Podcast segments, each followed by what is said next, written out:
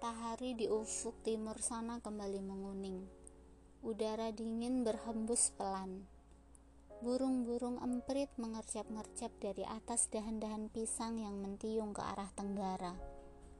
Kicau khasnya bertalu-talu menggugah kehidupan kemiren. Sisa-sisa bau tanah yang terjamah hujan masih menyeruak. Aktivitas kemiren telah dimulai.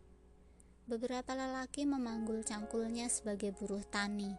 Perempuan-perempuan tampak hilir mudik dari dalam gebyok. Sesekali terdengar suara tangis anak-anak kecil yang masih enggan mandi. Manjar Koni menikmati rokok klobet bulu jagung di atas rancak petarangan. Bara api mengerlip-ngerlip. Asap putih kecoklatan menabrak gedek. Setumpuk singkong rebus menggugah selera di balik ranca itu, Bek Jaripah membersihkan sisa arang yang lepas dari perasapan kemenyan. Sisa bau mistis masih terasa. Ayam jantan berkokok. Bek Jaripah melangkah keluar. Benar, sepulang mantu Mirin, Manjar Koni menghadap kepada Buyut Cili dengan cara gaib.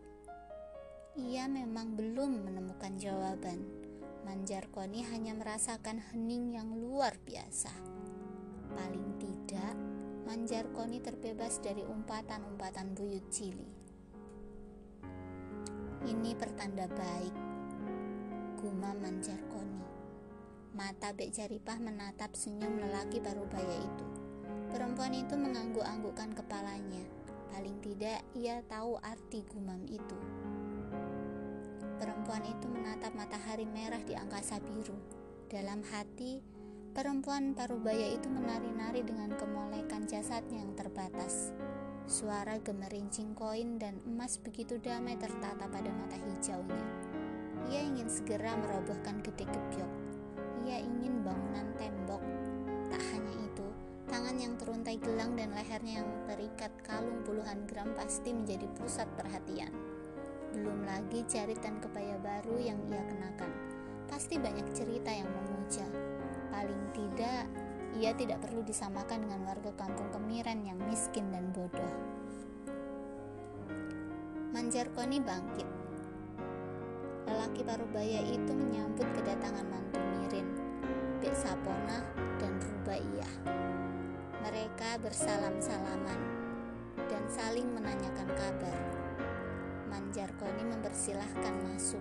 Bek Jaripah menghentikan lamunannya yang bergelimang harta. Perempuan itu menatap perempuan rubaiyah. Bibirnya tersenyum kenes. Bibirnya mendesis pelan. Mata hijau Bek Jaripah seperti melihat gunung harta yang bermahkota permata. Kamulah yang akan mewujudkan mimpi itu. Ujar Bek Jaripah pada dirinya sendiri. Mereka duduk melingkar. Secara umum, jika dibandingkan gebyok yang lain, gebyok Manjarkoni memang di atas rata-rata. Lihat saja, di tengah meja kuno terdapat singkong rebus dan kopi. Kopi adalah sajian istimewa. Tak semua warga menyediakan kopi. Kampung Kemiran memang miskin dan bodoh. Yang mereka miliki hanyalah kesantunan dan buyut cili. Untuk pendapatan sepertinya tak ada lebihnya. Sehari bisa mendapat 10 rupiah saja sudah sangat luar biasa. Tapi apa pun itu, Kemiran selalu mensyukuri welas asih buyut cili Baca tulis sepertinya juga bukan ukuran utama. Yang penting bisa makan, minum, beranak pinak, dan mengikat tali persaudaraan. Begitulah warisan buyut Cili. Rubaiyah duduk di sudut ruangan. Kadang ia menggeser pantatnya ke kanan, kadang ke kiri. Sesekali tangan mungilnya menggaruk kudis yang memutari mata kaki. Perempuan hanya mendengarkan obrolan. Bek Jaripah menyodorkan singkong rebus. Rubaiyah menerima, kepalanya hanya menunduk. Jari tangannya mengatur ritme makan sedikit demi sedikit. Bibir semerah buah delima begitu apik mengatur ritme makan. Ia terus mengunyah sampai halus. Kalaupun namanya disebut atau telinganya menangkap pujian, Rubaiyah memaksa bibirnya tersenyum. Ada yang janggal dari senyum itu. Memang benar dalam angan-angan ia hanya berharap ada pujian dari lelaki yang umurnya terpaut beberapa tahun saja. Lelaki itu berperawakan kurus, berkulit sawo matang dan berambut agak keriting dan agak ikal. Tasipan. Demikian semua orang memanggilnya. Sejak awal ia memang mengatur ritme makanannya. Secuil pertama singkong rebus itu diarahkan ke bibir. Tapi dalam batin berharap itu adalah bibir tasipan. Singkong itu sudah tertelan, maka jari tangannya kembali mencuil singkong rebus itu. Cuilan kedua itu ia peruntukkan untuk dirinya sendiri. Begitulah seterusnya. Rubaiyah hanya ingin berbagi rasa dan aroma kepada Tasipan. Kenapa harus demikian? Entahlah. Rubaiyah tidak tahu.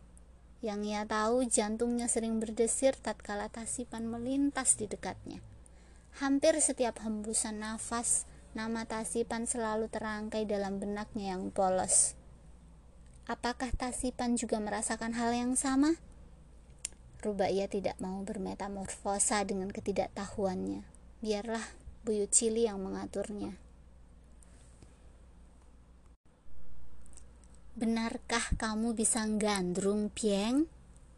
Tanya Bek Jaripah. Matanya yang sendu tampak penuh harap.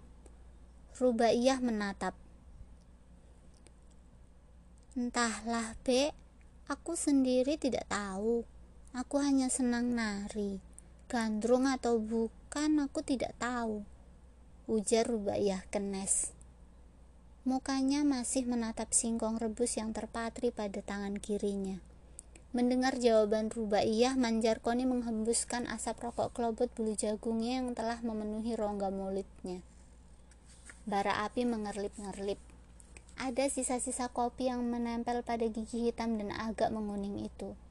Kepala yang terlilit udeng tampak mengangguk-ngangguk.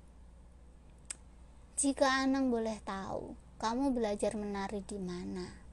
Ke siapa? Tanya Manjarkoni. Rubaiyah menunduk. Ia menggaruk-garuk pundaknya. Ia tak menggubris tatapan wajah Bek Jaripah, Bek Marpuah, dan Mantu Mirin. Sesekali mereka menghela nafas agak bersamaan. Sepertinya mereka ingin menyingkap tabir tanya dari jawaban itu. Rubaiyah masih menunduk. Mulutnya melumat habis singkong rebus untuk tasipan. Kepala Rubaiyah menggoyang-goyangkan rambutnya. Angin menerobos masuk, rambut hitam agak bajang, namun lurus sepinggul itu merumbai-rumbai. Tengkuk Rubaiyah tersingkap. Putih bersisik yang ditumbuhi rambut Ari. Entahlah, Man, Aku hanya dituntun mimpi. Siapa mereka aku juga tidak tahu. Jawab Rubaiyah polos. Matanya menatap ke atas. Rubaiyah terdiam. Sesekali benaknya seperti melihat menangkap kelebat wajah Tasipan. Rubaiyah kembali berdesir. Tangannya kembali menggaruk-garuk kepalanya. Senyum simpulnya agak tertahan. Tiga ekor lalat terbang rendah di atas lantai tanah. Dua pasang paruh baya menatap Rubaiyah. Kurat wajahnya begitu tegang. Mereka ingin tak mempercayai jawaban yang terlontar lugu itu. Mereka saling menatap. Kepalanya menggeleng pelan. Mantu Mirin merasa jantungnya berdetak kencang. Ia memang baru menyeruput kopi, tapi kata-kata Rubaiyah membuat kopi itu terasa hambar. Manjarkoni menghisap dalam-dalam rokok kelobot bulu jagung yang terus mengerlip di depan bibir. Asap putih kehitaman bergelantungan pada gurat wajahnya. Benar, semua terkesima dengan tatanan kalimat yang meluncur tenang dari bibir Rupaiyah. Tangan kiri Bek Marfuah membeler lembut rambut kembang kampung itu. Bibirnya bergetar. Siapa mereka, Beng? Tanya Bek Marpuah. Aku tidak mengenal mereka, Don. Ada dua orang laki dan perempuan. Semua sudah tua. Yang laki-laki pakai baju dan celana kombor warna hitam. Kepalanya memakai udeng batik. Sedang yang perempuan berpakaian jarit dan kebaya biasa. Berkali-kali mereka datang ke dalam mimpiku. Di dalam mimpi itu, Aku mereka tuntun menari dan nembang. kadang oleh yang perempuan, kadang oleh yang laki-laki. Setiap aku bertanya nama, mereka selalu tersenyum. Katanya, cukup panggil Anang dan Adon saja, kata Rubaiyah. Manjarkoni terbatuk tiga kali. Tangannya menepuk-nepuk dadanya yang naik turun. Semua tatapan mengarah kepada dukun kampung itu. Manjarkoni tak menggubris. Ia menyeruput kopi yang tinggal setengah. Keringat dingin tampak bergulir jatuh dari gurat jidatnya yang tegang. Pikirannya bertarung pada dua pilihan, percaya atau tidak. Apa yang mereka ajarkan ke kamu, Beng? Peragakanlah, pinta Manjarkoni. Hidungnya menghela nafas, berat dan panjang. Bibirnya bergetar, kaki kanannya menginjak-injak lantai tanah. Lenguh suara kerbau di kejauhan sana seolah mengikuti jiwa gundah Manjarkoni. Seekor tokek menembang sembilan kali. Ya, hanya Manjarkoni yang tahu siapa dua orang di dalam mimpi Rubaiyah itu. Sedang yang lain hanya beradu pandang. Mereka mengira-ngira tanpa berani meyakini. Tapi untaian nafas itu jelas sekali. Yang terpilih Rubaiyah meletakkan singkong rebus itu. Tubuhnya yang ramping tampak bangkit. Kakinya melangkah ke sisa ruangan yang terbebas dari meja dan kursi kuno. Angin menerobos. Rambut perempuan itu mengipas-ngipas. Sinar matahari menerobos melalui lubang gedek. Kulit kuning langsat agak bersisik itu terjamah. Kicau pentet terdengar bertalu-talu dari ujung dahan yang mentiung ke tenggara. Tak ketinggalan sepasang kupu-kupu berkejaran di atas bunga rumput yang tumbuh dengan liar. Suara rubaiyah mengalun merdu.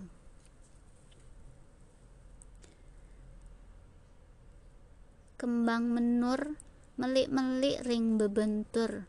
Ya, sun siram alum, sun petik nyirat ati. Lare angon, gumu iku paculono tandurono kacang lanjaran saunting oleh perawan. Bunga melati indah menawan di sudut halaman. Kusiram layu kupetik menyentuh hati. Wahai anak gembala cangkul bukit bukit itu. Tanamlah kacang panjang seuntai seharga anak perawan. Rupanya tak hanya menembang Tubuh perawan yang agak berbentuk itu meliuk-liuk. Bokongnya menghentak-hentak ke kiri dan ke kanan. Kepalanya bergoyang-goyang. Kedua tangan tipisnya pun tak mau kalah. Mereka bergemulai sangat indah. Sesekali jari tangan lentik itu saling merekat hingga seperti ngiplas. Ya, ngiplas sampur. Rubaiyah gandrung